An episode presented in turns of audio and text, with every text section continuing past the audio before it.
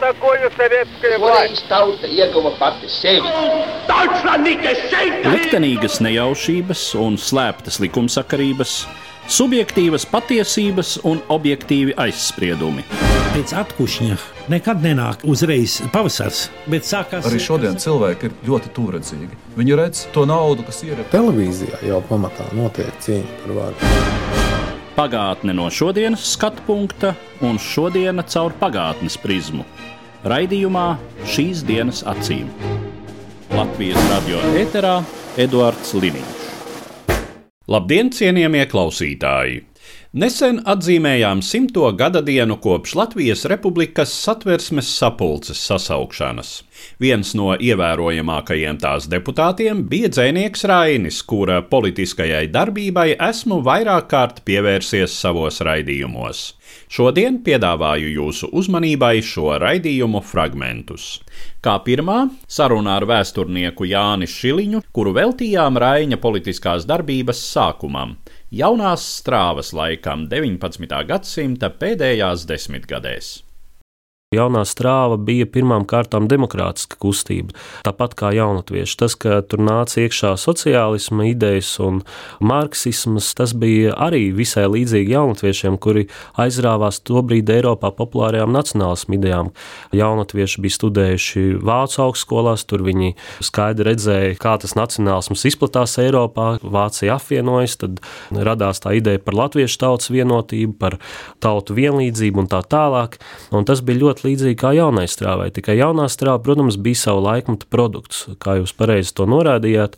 Un tā laika Krievijas situācija arī lielā mērā ietekmē to, kā šī kustība veidojās. Jo atšķirībā no jaunatviešiem, kur praktiski absolūti lielākā daļa bija Vācijas vai Vācisko augstskolu beidzēji, vai nu bija mācījušies Vācijā, kā Ats Kronvalds, piemēram, vai beiguši Tarbats universitāti, kas bija vāciski, tad jaunstrāvnieki nāca no Krievijas universitātēm galvenokārt, vai no, varētu teikt, rusificētām augstskolām, kāda tolaik jau bija Tarbats universitāte, kur bija izdzīti visi vācu profesori, mācību valodu nomainīt uz krievu valodu, Un, protams, kā mēs zinām, 19. gadsimta beigās Krievijas augstskolās ļoti populārs kļuva sociāldemokrātiskās idejas, dažādu sociālistisko ideju strāvojumi. Un, protams, tiek runāts par to Raina slaveno čemodānu, ar ko tika atvests sociālistiskās idejas Latvijā, bet pirmā saskarsme ar sociālismu idejām latviešu studentiem bija tieši studējot Krievijas augstskolās, piemēram, Maskavas universitātē, kur daži jaunie studenti tiekoties ar poļu kolēģiem uzzināja, ka ir tāds marks un tas savā starpā apsprieda vai piekrist tām idejām vai nē, un arī tas pats Veidenbaums jau agrāk bija iepazinies, acīm redzot, ar tām idejām tā, ka tur tā pārmantojamība bija un ļoti sarežģītā pozicionēt to jaunstrāvnieku kustību, vai tā bija iepriekšējās kustības jaunatviešu noliegums vai turpinājums. Nu, manuprāt, tā tomēr bija vairāk turpinājums tikai citā formā. Jaunstrāvnieki principā bija pirmā paudze, kas bija izaugusi pēc dzimbūšanas atcelšanas. Tāpat arī ļoti liela nozīme bija tam, kā attīstījās tolaik lauksaimniecība un ekonomiskā saimnieciskā dzīve Latvijā. Un nevelti gan 5. gada revolūcija taisīja saimnieku dēli, un arī jaunstrāvnieki savā absolūtajā vairākumā bija diezgan turīgu, bieži bagātu saimnieku dēli. Jo tie ekonomiskie jautājumi, kas tobrīd bija nobrieduši, tie bija ļoti, ļoti aktuāli. Nu, iespējams, tā bija viena arī no jaunatviešu kustības problēmām un iemesliem, kāpēc viņi aizgāja mazumā. Tas, ka viņi novērsās no sociāla-ekonomiskiem jautājumiem, pievērsās galvenokārt politikai un Rīgas dzīvē, atstājot laukus novārtā. Un jaunstrāvnieki lielā mērā aktualizēja zemnieku jautājumu, ekonomiskās problēmas, un, kas, protams, svarīgi Aspāzijas kontekstā un arī Raņa kontekstā. Tas ir sieviešu tiesību jautājums, kas kļuva ļoti aktuāls Eiropā. Un Rāņa māsa Dora Pliekšāna bija pirmā latviešu izcelsmes sieviete, kas ieguva augstāko izglītību. Viņa aktīvi iestājās par sieviešu izglītošanu, savukārt Aspāzija savā daļradē iestājās par sieviešu tiesībām, pareizāk morālo līdztiesību ar vīriešiem, tā ka tur pārklājas ļoti daudzas problēmas. Nu, Rainis, būdams dienas lapas redaktors, parādīja sevi kā ļoti spējīgu žurnālistu, iespējams vienu no spējīgākiem latviešu žurnālistiem, ja nebūtu cara represija. Iespējams, mēs par viņu tagad atcerētos kā par izcilu publicistu vai izcilu redaktoru, nevis par literātu dzinieku. Un uh, viņa devums neapšaubām bija milzīgs tieši sociāldemokrātisko ideju, dažādu sociālistisko ideju ienešanā Latvijā. Varbūt turpat ir arī zināmā mērā jārunā par viņa māsas Doras ietekmi, ka viņa ir viena no nenovērtētajām sievietēm Latvijas vēsturē, ka tieši lielā mērā pateicoties viņai Rainis arī aizbrauca toreiz uz Šveici un uh, ieinteresējās par sociālistiskām idejām par tiem likteņiem. Ja Rainis netiktu represēts, mēs viņu atcerētos nedaudz citādāk, jo cietumā esot par laimi viņam bija tāda talantīga un izcila dzīves biedra, kas spēja motivēt Raini tajā grūtajā brīdī un arī radīja Raina literāro ģēniju tieši cietumā un izsūtījumā. Un Rainis interesantā kārtā tieši atrodoties cietumā, vēlāk izsūtījumā un vēl pēc 5. gada revolūcijas atrodoties trimdā Šveicē, bija tieši visproduktīvākais, atrodoties tādos apstākļos, ekstremālos apstākļos. Jaunstrānieku kustība arī radīja politiķi Raini, ne tikai literātu Raini, jo viņš visu mūžu interesējās par politiku un arī kandidēja uz Latvijas prezidenta amatu un aktīvi darbojās Sociāldemokrātiskajā strādnieku partijā, tika ievēlēts gan satversmes sapulcē, kur speciāli viņam un Aspāzijai izdarīja izņēmumu. Viņam izņēmumu kārtā, atgriežoties no trimdas Šveicē, ļāva piedalīties satversmes sapulces vēlēšanās, viņi tika ievēlēti, un viņa autoritāte bija ļoti liela. No Aspāzijas lielākais veikums, acīm redzot, ir tas, ka viņa arī no saimnes tribīnas cīnījās par sieviešu jautājumiem. Un Rainis gan ieņēma augstus amatus, izglītības ministrs, kultūras institūcijās augstus amatus ieņēma, bet viņa lielā nozīme ir, manuprāt, divos aspektos. Pirmā ir tās nacionālais aspekts, ko viņš ienesa sociāldemokrātijā, kas gāja no 5. gada revolūcijas un pat vēl agrāk internacionālisma virzienā, ko ļoti spilgti pārstāvēja viņa draugs, studiju biedrs Pēters Stučka, kur Latvija kā vienība ir tikai tik lielā mērā vērtīga, cik tā kaut kādā veidā darbojas globālās strādnieku kustības ietvaros un var veicināt strādnieku cīņu. Un Rainim un vairākiem citiem no jaunstrāvniekiem, agrākajiem, viņi gāja citā virzienā, tādā kā gāja citu Krievijas impērijas provinču sociālisti, piemēram, poļu virzienā, tādā sociāla demokrātijas un nacionālismu sintēzē. Un Raina devums šī aspektā bija ļoti liels. Un otrs aspekts, protams, tas, ka viņš bija morāla autoritāte sociāldemokrātija. Viņš bija ikona, tautā mīlēts, cienīts literāts un dzinieks. Un, zināmā mērā tā bija arī atšķirība no lielniekiem, kad lielnieki 18. un 19. gadā nonāca pie varas Latvijā, tad faktiski viņi saskārās ar tādu kā kultūras darbinieku boikotu pret viņiem, jo neviens īsti negribēja iestāties komunistiskajā partijā. Vienīgais, ar ko tāda ciešā kontakta tika izveidota un kas sadarbojās ar lielniekiem, bija tas pats Andrejs Upīts, bet viņš arī viņš neiestājās komunistiskajā partijā un Stučka arī cerēja Raini sagaidīt, atgriežoties padomju Latvijā, bet to viņš nesagaidīja. Pēc tam 20. gados arī it kā koķetēšana starp padomju varu un Raini. Tā ka Rainis zināmā mērā atradās starp divām pusēm. Jau drīz pēc izsūtījuma un atgriešanās Latvijā vēstures grieži ierāva Raini un Aspaziju jaunā dramatiskā procesā 1905. gada revolūcijā. Rainis pat kļuva par kaujas grupas vadītāju jūrmalā. Un, zināmā mērā, ja mēs skatāmies uz 5. gada revolūciju, viņa ir ļoti līdzīga patiesībā atmodas laikam. 80. gada beigās abas revolūcijas bija faktiski dziesmotās revolūcijas, jo dziesmu un dziedāšanas nozīme 5. gada revolūcijā varbūt pat bija vēl lielāka atmodas laikā, varbūt salīdzināma, bet ļoti daudz kā līdzīgi un arī par atmodas laiku. Grūti runāt, nerunājot par radošo inteliģenci un tās nozīmi. Un arī, protams, 5. gadā tā bija ļoti liela loma Es nezinu, vai var teikt, ka inteliģence vai rakstnieki, literāti bija tas galvenais spēks, kas atveda Latviju tieši līdz revolucionāriem notikumiem. Lai gan, piemēram, 5. gada 13. janvārī strādnieku apšaušanā Daugomalā tur arī piedalījās vairāki dzinieki, un viens no viņiem tika ievainots pat Antons Austrēns. Bet, eh, manuprāt, tas būtu pārspīlēti teikt, ka tā dzinieku un inteliģenta loma bija pašā revolūcijas priekšvakarā tik liela.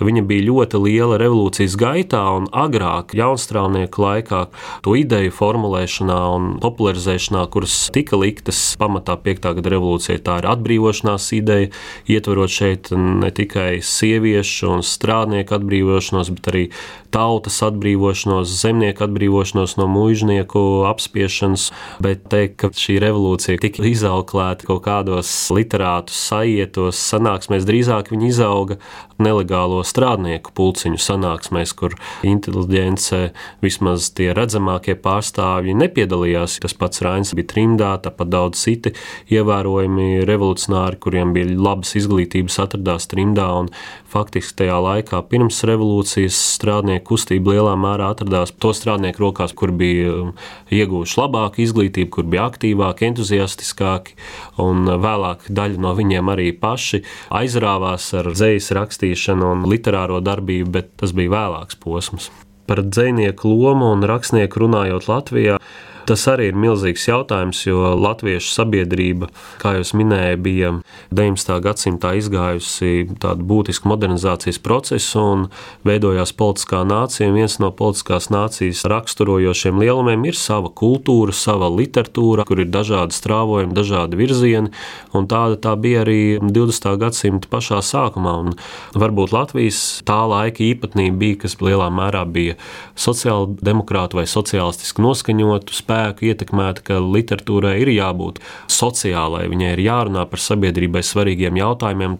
Ja tur nav aplūkotas cilvēkiem, tautai svarīgas lietas, tad tā literatūra ir nevērtīga. Nu, vismaz no tādām demokrātiskām pozīcijām raugoties, tas pats Rainis un Aspāzija, viņa dēļradē arī šie sociālie jautājumi un netaisnības aspekti ir ļoti, ļoti izteikti. Un Rainis arī savā dzējā vēl pašā revolūcijas sākumā un acīm acīm redzot, arī pirms revolūcijas, kad tapa vētras sēja, tie dzējoļi ir ļoti, ļoti radikāli, un tur var redzēt to stingro pārliecību, ka būs pārmaiņas, ka tās neizbēgams, to visu gaidīja. Tāpat kā 80. gados radošā inteligence visā Padomju Savienībā gaidīja pārmaiņas. Runājot konkrēti par Raini, kas tad ar viņu notiek revolūcijas laikā, kuri ir tie notikumi, kuros viņš konkrēti iesaistās un, attiecīgi, līdz ar to kļūstot par uh, varas ienaidnieku, par recidīvistu no cara valdības viedokļa. Tas lielākais devums 5. gada revolūcijas laikā, protams, bija viņa dzeja, kas iedvesmoja, uzrunāja tautu, strādniekus, bet tā īpatnība bija, ka viņš līdz 5. gada rudenim, kad uh, oktobrī revolūcija sasniedza savu kulmināciju, viņam bija ļoti distancēts attiecības sociāldemokrātu vadību. Gada sākumā viņam sociāldemokrāti uzticēja rakstīt uh, petīcijas caram, kas bija tāds īpatnējs petīciju rakstīšanas laikmets, kad 4. Uh, 4. gada beigās, vēl pirms asiņainās ceturtdienas un asiņainās svētdienas, cars pauda vēlmi reformēt Krieviju un aicināja iedzīvotājus un sabiedriskas organizācijas iesūtīt reformu priekšlikumus. Un tad Rainis bija viens no tiem rakstītājiem 5. gada sākumā dažādus ierosinājumus sociāldemokrātu uzdevumā. Bet viņš neatradās ne sociāldemokrātiskās strādnieku partijas centrālās komitejas rindās. Tie vērtējumi dažādi, bet populārākā versija, ka vienkārši viņam bija diezgan asas konflikts ar Jansonu Braunu, vēl no jaunstrāvnieku arestēšanas un tiesāšanas laikiem, un ar Pēteru Stučku. It kā sociāldemokrāti aicināja aizmirst vecos aizvainojumus, bet līdz oktobrim Rainis tā aktīvi sociāldemokrātu vadībā kaut kādās lielās akcijās neiesaistījās. Jā, viņš jūrmalā acīm redzot, organizēja kādu revolucionāru grupiņu un piedalījās kādās darbībās, bet nu, es arī nedomāju, ka viņam kaut ko tur varētu tādu nopietnu inkriminēt. Rainis redzamāk uz skatuves parādās tieši oktobrī, kad, kā jau es minēju, revolūcija sasniedz kulmināciju pēc arī izsludinātā 17. oktobra manifesta, kas dod brīvību Krievijas pilsoņiem. Un šeit viņš piedalās piemēram skolotāju kongresa darbībā, kur uzstājas un nolasa ziņojumu par pašpārvaldes jautājumiem. Viņa dzēju ļoti plaši izmanto arī revolucionāru un pasākumos. Tur viņa loma ir visai liela, un varbūt tāpēc viņš pēc tam redzot, ka revolūcija zaudē un tiks sagrauta, acīm redzot, tāpēc viņš pasteidzas emigrēt. Es nezinu, kādas tās sekas varētu būt, ja viņš būtu palicis, jo diezgan daudz arī inteliģenti tika sveikā cauri pat par tādām nopietnākām darbībām. Savs viedoklis par Raina situāciju pēc piektā gada ir literatūras zinātniecei Gundagai Grīnumai. Saruna ar Raina pētnieci pamatā veltīta Raina un Aspazijas trimdas periodam Šveicē. Rains katrā ziņā pamatoti pats sevi ir pozicionējis un arī to argumentējis kā terorismu pretinieku. Viņš vienmēr ir uzsvērs, ka lielas lietas, lieli procesi, lieli laiki, tie nav savienojumi ar maziem cīņas līdzekļiem. Kas lieto zemu līdzekli, tas zems. Tieši tā. Tā pašā laikā ir dažas pētnieciskas mīklas, kas man kā cilvēkam, kas ar politoloģiju, vēstures lietām ir tikai pakārtot saistīts, izraisa ļoti liels pārdomas un intriģē. Viss tā Raņa banka laupīšanas lieta, cik tālu viņš bija iesaistīts, vai ir tiešām iespējams, ka dūmi bez uguns uzvirmoja tik ļoti pēc viņa nokļūšanas Šveicē 1906. gada augustā, kad tika iztiesāta Biržas bankas laupīšanas projektā apvainotā Friča Eholts lieta. Un šajā lietā tiek priekšplānā izvilkts Raņa vārds. Gan jāsaka, nepārprotam provokatora vācu izcelsmes personas Kārļa Muntera Tikai te gan nav nekāda sakara ar vēlāko Latvijas ārlietu ministru. Inkriminācija, ka lūk, Eihauts samusinājis uz Biržas bankas ekspropriācijas projektu, neviens cits kā Rainis, un no tā tad, nu, lūk, izriet, ka Rainis ir revolucionāro bandu vadonis, lielākais neģēlis, kura vārds tiek valkāts un ar tik melniem dubļiem apliec gan Baltvāts presē, gan arī Rīgas avīzē bez šaubām. Frits Svenbergs ļoti labprāt pārķer šo domu, un Rainim ne tikai tas, ka tiek ļoti lielā mērā viņa reputācija sagandēta arī to piektgadnieku acīs, kas palika ka Latvijā un izgāja cauri visām šīm represiju briesmām šausmām un laimīgā kārtā izgāja sveikā. Un Rainis gaidīja, ka partijas oficiālie pārstāvji aizstāvēs viņu presē, partijas presē. Kaut arī, protams, ap to laiku, kad notika šī tiesas prāva, tad jau, protams, arī partijas preses jautājums bija ļoti, ļoti sarežģīts. Bet dažas avīzes paguva viņa aizstāvībā publicēt kādus rakstus. Tautas tiesības balss, bet tās gan ātri vien tika apklusināts. Tur melns uz balta cilvēki, es domāju, pat tie pat nebija viņa tuvākie sociāldemokrātijas biedri rakstīja. Kā Rainim var pierakstīt tādus nolūkus, un tas nekad nevar būt, ka Rainis lūk bija iesaistīts šādā afērā. Bet tur tomēr ir kāds āķis, jo man laimējās uziet Raina arhīvā materiālus, kuri tomēr liek aizdomāties, ka viņš bija līdzdalīgāks banka ekspropriācijas plānošanā. Un varbūt, ka Te ir drusku diferencētāk jāskatās uz to lietu. Kā tur īsti bija ar Raina attiecībām konkrētajā situācijā, piektā gada situācijā, kad pie pamalas ragojās šis mistiskais melnās sotnes rēks. Neviens nezināja, kas tas īsti ir. Un nezināja, kas notiks, kad melnā sotņa ienāks Latvijas teritorijā. Iespējams, ka Rainis tomēr bija tādā pozīcijā, ka tomēr ir jāpretojas. Un ar ko tad viņi pretosies? Viņa rīcībā taču bija kaujas organizācija, kuras vadītājs Rainis bija drīzāk gan ideologs jūrmalā vāc ieročus. Tad ir ieročiem? Dažas pistoles un vecas kramenītes. Tas viss, kas viņa rīcībā bija. Tātad te ir tāds jautājums, kur es vēsturnieku vietā noteikti iedziļinātos un mēģinātu iegūt skaidrību. Būtībā jau Rainis un Espozīja visus pirmos Šveices emigrācijas mēnešus burtiski uz čemodāniem dzīvoja. Cik nu viņiem vispār bija tās mantības, par čemodāniem pat runa nevarēja būt faktiski. Viņi rautina rāvās atpakaļ uz mājām, bet bija pilnīgi skaidrs, ka pēc tām insinuācijām Baltvācu presē kuras, kā es teicu, uzkurināja vēl pašu latviešu baleliņu, padarīja šo atgriešanos ļoti bīstamu un galvenais, kas ārkārtīgi sarežģīja Raina statusu Šveicē. Jo Rains bija apdraudēts no izsakošanas un no izraidīšanas tādā kārtā, ka viņš tika apvainots krimināla noziegumā. Viņa nokļūšana Latvijā katrā ziņā gandrīz ar simtprocentīgu pārliecību var teikt, būtu pašnāvnieciska, ja viņš to būtu darījis brīvprātīgi. Un vēl jo trakāk būtu bijis tad, ja Rainis būtu atgriezies ar krimināla noziedznieka zīmogu. Un skaidrs kā diena, ka viņam draudēja vislabākajā gadījumā mūža izsūtījums uz ļoti tālām un augstām zemēm, bet visticamāk, ka ešafots. Šveices trimdas periods Raina biogrāfijā iezīmīgs ar distancēšanos no politiskajiem procesiem un viņa literārā talanta apogēju. Taču Pirmais pasaules karš visu mainīja. Rainis atkal iesaistījās politiskā darbībā, taču viņa politiskā platforma bija būtiski mainījusies. Tagad tajā dominēja nevis šķiriski, bet vispār nacionāli motīvi. Diemžēl latviešu trimdnieku mēģinājums vienoties dzimtenes interešu vārdā izrādījās nesekmīgs. Par to sarunā ar literatūras zinātnieci Gundegu Grīnumu un politoloģi Vitu Matīsu. Pirmā darbība, lai palīdzētu realizēt šo neatkarības ideju, tomēr notikās ap 1915. gadu Šveicē, tad, kad eh, Šveicē tika izveidota eh, Latviešu komiteja, kur priekšsēdētājs bija Rainis.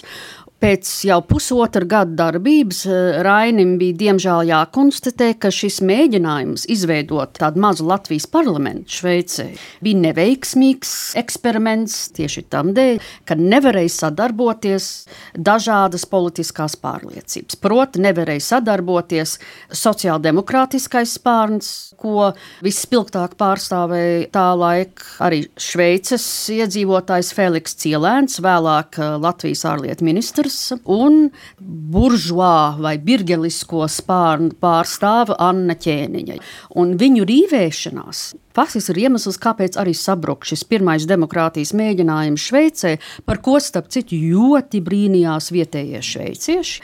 Jo vietējie šveicieši ļoti, ļoti jauki sadarbojās Latvijas neatkarības un autonomijas idejas vārdā un brīnījās, kāpēc latviešiem tas, ko šveicieši var darīt latviešu labā, kāpēc latviešiem tas kaut kā neizdodas. Ja? Un šeit eh, man šķiet, ka Austa Krauza Ozoliņa, kas bija šīs komitejas, viņi arī pēc pusotra gada darbības konstatēja, ka šī latvieša nespēja sadarboties ir ļoti nožēlojama, un viņi izsaka tādu teikumu, ka šveicieši dažādo partiju cilvēki var apvienoties latviešu tautas pašnolemšanas prasību vārdā, mēs latvieši paši. Nē. Tas ir tāds skumjš akcents, bet runājot par tiem iemesliem. Es gribētu vēlreiz atgriezties mm. divus soļus iepriekš, pie 1914. gada septembra situācijas, kad Eiropas kara momentā arī Rainis.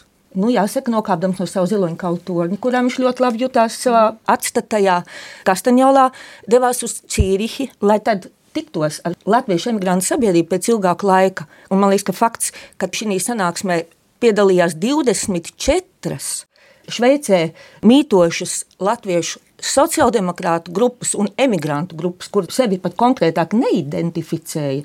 Lūk, tas tomēr arī ir diezgan pārliecinošs fakts, cik sašķelti bija arī savā politiskajā gribā. Nerunāt jau par dažādiem tādiem negatīviem momentiem, arī visādām savstarpējām konflikta situācijām. Šajos procesos arī cilvēciskiem faktoriem bieži vien bija ļoti liela nozīme. Šajā sarunā pieskārāmies arī Raina politiskajai darbībai neatkarīgajā Latvijā. Šajā periodā sevišķi grodi iezīmējās pretruna starp izcilās personības divām šķautnēm - dzinieku un politiķi par to, vai Rains nebija tā figūra, kas varēja visus šos cilvēkus savienot savā idejiskā platformā, vai viņš sevi arī neredzēja šo garīgo valsts vadoņa lomā. Šeit ir ļoti būtiski pretruna arī. No vienas puses, jā, Rainis sevi redzēja šo tēlu, no otras puses, viņš ļoti labi arī saprata, ka tieši šajā faktorā, ka latvieši nemitīgi meklē šo simbolu un šo vadoni, tas ir Latvijas un latviešu tautas spožums un posts. Tas ir arī tas posts, ka latvieši meklē risinājumu kaut kur ārpus no sevis, kaut kādā vadonī. Kāds atkal nāks uz balto zirgu, un tas būs tas tīrais baltais antiņš, kas mūs glābs. Un šeit viņš gan redzēja pretstatu ar Šveices politisko sistēmu un vispār ar Šveices pilsoņu un sabiedrības darbības modeli. Tas, ka Šveices sabiedrība funkcionē uz individuālo pilsoņu pamati. Šveices sabiedrība nemeklē šo gaišo antiņu tēlu, kas viņu glābs. Šveices pilsonis pats sevi, katrs individuāli un liekot spēkus kopā. Un šeit Rains ļoti, ļoti precīzi ir šo atšķirību arī izklāstījis. Dziļākā vaina tā, ka mums nav vēl īsti demokrātiskas valsts, un tur vaina, ka mums nav pilsoņu kas par tādiem justos un kas aizstāvētu savas tiesības. Mūsu vidus jaudis jūtās par trešās klases publiku. Un es domāju, šeit ir atslēga moments. Jā, Rains sevi jūta šo gaišo tēlu, bet tieši šis gaišais vadoņa tēls ir latviešu tautas spožums, bet arī posts. Nu, bet šaubas arī. Viņš 19. gadā intensīvi sāk nodarboties ar spiritiskiem seansiem. Un viens no pamatjautājumiem, kas viņu nodarbināja, bija vai man kļūt par Latvijas prezidentu, vai arī turpināt savu literāro darbu. Mm. Tas tomēr liecina, Jā. ka viņam bija ļoti, ļoti smags pārdoms šai ziņā. Un izkāpināt tik ļoti rāņa godkārības momentu. Un, manuprāt, tur vajadzētu arī mazliet piesardzīgākiem būt. Galvenā tēze, eh, vadlīnija, kas iziet cauri visiem rāņa darbiem, personīgiem pierakstiem, visām vēstulēm, un citiem. Tās ir šaubas, dziļas šaubas par savām spējām, un ar to viņš tomēr atklāja, ka viņš pēc būtības bija rakstnieks. Jebkurš, kas ir iedziļinājies eh, Raina rakstos un darbos, tā šauba līnija ir pamatīga. Un ar to viņš sev nodod. Jo, kā mēs labi zinām, eh, labs politiķis nekad nešaubās, vismaz to nekad neizrāda. Un šis dzelžainais kramps, kas bija tādam cilvēnam, kas par neko nešaubījās, viņam vienmēr bija taisnība. Un viņš nebija tas sliktākais gadījums. Ulmans galdiņu nedancināja, viņš vienkārši Jā. paņēma varu un piešķīra sev valsts prezidenta titulu. Viņš īpaši par neko nešaubījās. Un vēl es gribētu piebilst to, jā, viņam kā pārmetumu dažs labs vēsturnieks pēc tam ir izteicis, it kā tikai deviņas reizes Rainis esot kāpis saimnes tribīnē, mm -hmm. bet tomēr ir vērts palasīt tos tekstus, mm -hmm. ar kuriem viņš ir no šīs tribīnes startējis. Es teiktu, ka elektroniskie mēdīji tomēr zināmā mērā ir mūsu laikmeta ieguvums, kaut vai tādā nozīmē, ka nu, šodien ļoti daudziem ir diezgan skaidrs, ka uzstāšanās biežums saimnes tribīnē nebūtu nav uzteicama kvalitāte. kvalitāte. Jā. jā, nekādā ziņā varētu tieši teikt pretējo. Pilnīgi piekrītot, ja, ka Rainis svārstījās. No vienas puses viņš sev redzēja kā Latvijas prezidentu, no otras puses viņš ļoti par to šaubījās. Bet šeit atkal vainīgi var būt pie Latvijas vēsture. Raina nespēja īsti saprast, kad vēstures laikmets ir radikāli mainījies. Kad viņš atgriezās 20. gadā, viņš iedomājās, ka vēsturiskā un sabiedriskā situācija Latvijā ir tāda pati, kā viņa bija pirms piektā gada, un viņš nesaprata, ka viņam tiešām ir krasi jāizvēlās, ka nevar gan spēlēt politiku, gan būt neatkarīgam, radošam rakstniekam. Viņam vajadzēja izvēlēties vienu vai otru. Viņš neizdarīja to sliktāko izvēli, bet viņš neizdarīja to vispareizāko, kas būtu bijis vienā demokrātiskā valstī. Atbilstoši tas ir skaidri novilkt līniju, vai nu tu esi neatkarīgs rakstnieks, neatkarīgi radošs persona, vai tu ej ar pilnu krūtu politikā, ko viņš arī darīja, bet tu nevari savienot šīs divas lietas. Tu nevari būt tā, kā tas ir bijis bijis mūsu jaunās trāvas eh, periodā, tā kā tas bija Tautas frontes laikā, šeit 1980. gada otrajā pusē, ka tu vari būt gan sabiedrības domas veidotājs, kā mūziķis, kā rakstnieks, jo sabiedrība tajos vēsturiskos brīžos ir tiešām vienota. Ir tikai viena platforma, ir šī vienkāršā politiskā situācija. Šādā situācijā var šīs radošās personības būt reizē politiski angažētas un radošas, bet Latvijas un Lietuvas un Igaunijas un nerunāsim vispār par Krieviju Krievijas problēma gadsimtiem ilgi ir bijusi tā situācija, kas faktiski ir izņēmumu situācija. Ka ir šī milzīgā vienotība un ir tikai divas puses, pareizā un nepareizā, tiek traktēta kā normas situācija. Un normālā situācija demokrātiskā valstī ir, ka ir daudz un dažādas puses. Un, ja tu ej politikā, piedodiet, ir ļoti grūti arī reizē strādāt kā radošs, neatkarīga personība. Līdz ar to izskan raidījums, kas bija veltīts dzinieka Raina politiskajai darbībai. Raidījumā dzirdējāt literatūras zinātnieci Gundegu Grīnumu, politoloģi Vitu Matīsu un vēsturnieku Jāni Šiliņu. Uz redzēšanos, cienījamie klausītāji! Par pagātni sarunājas Eduards Liniņš.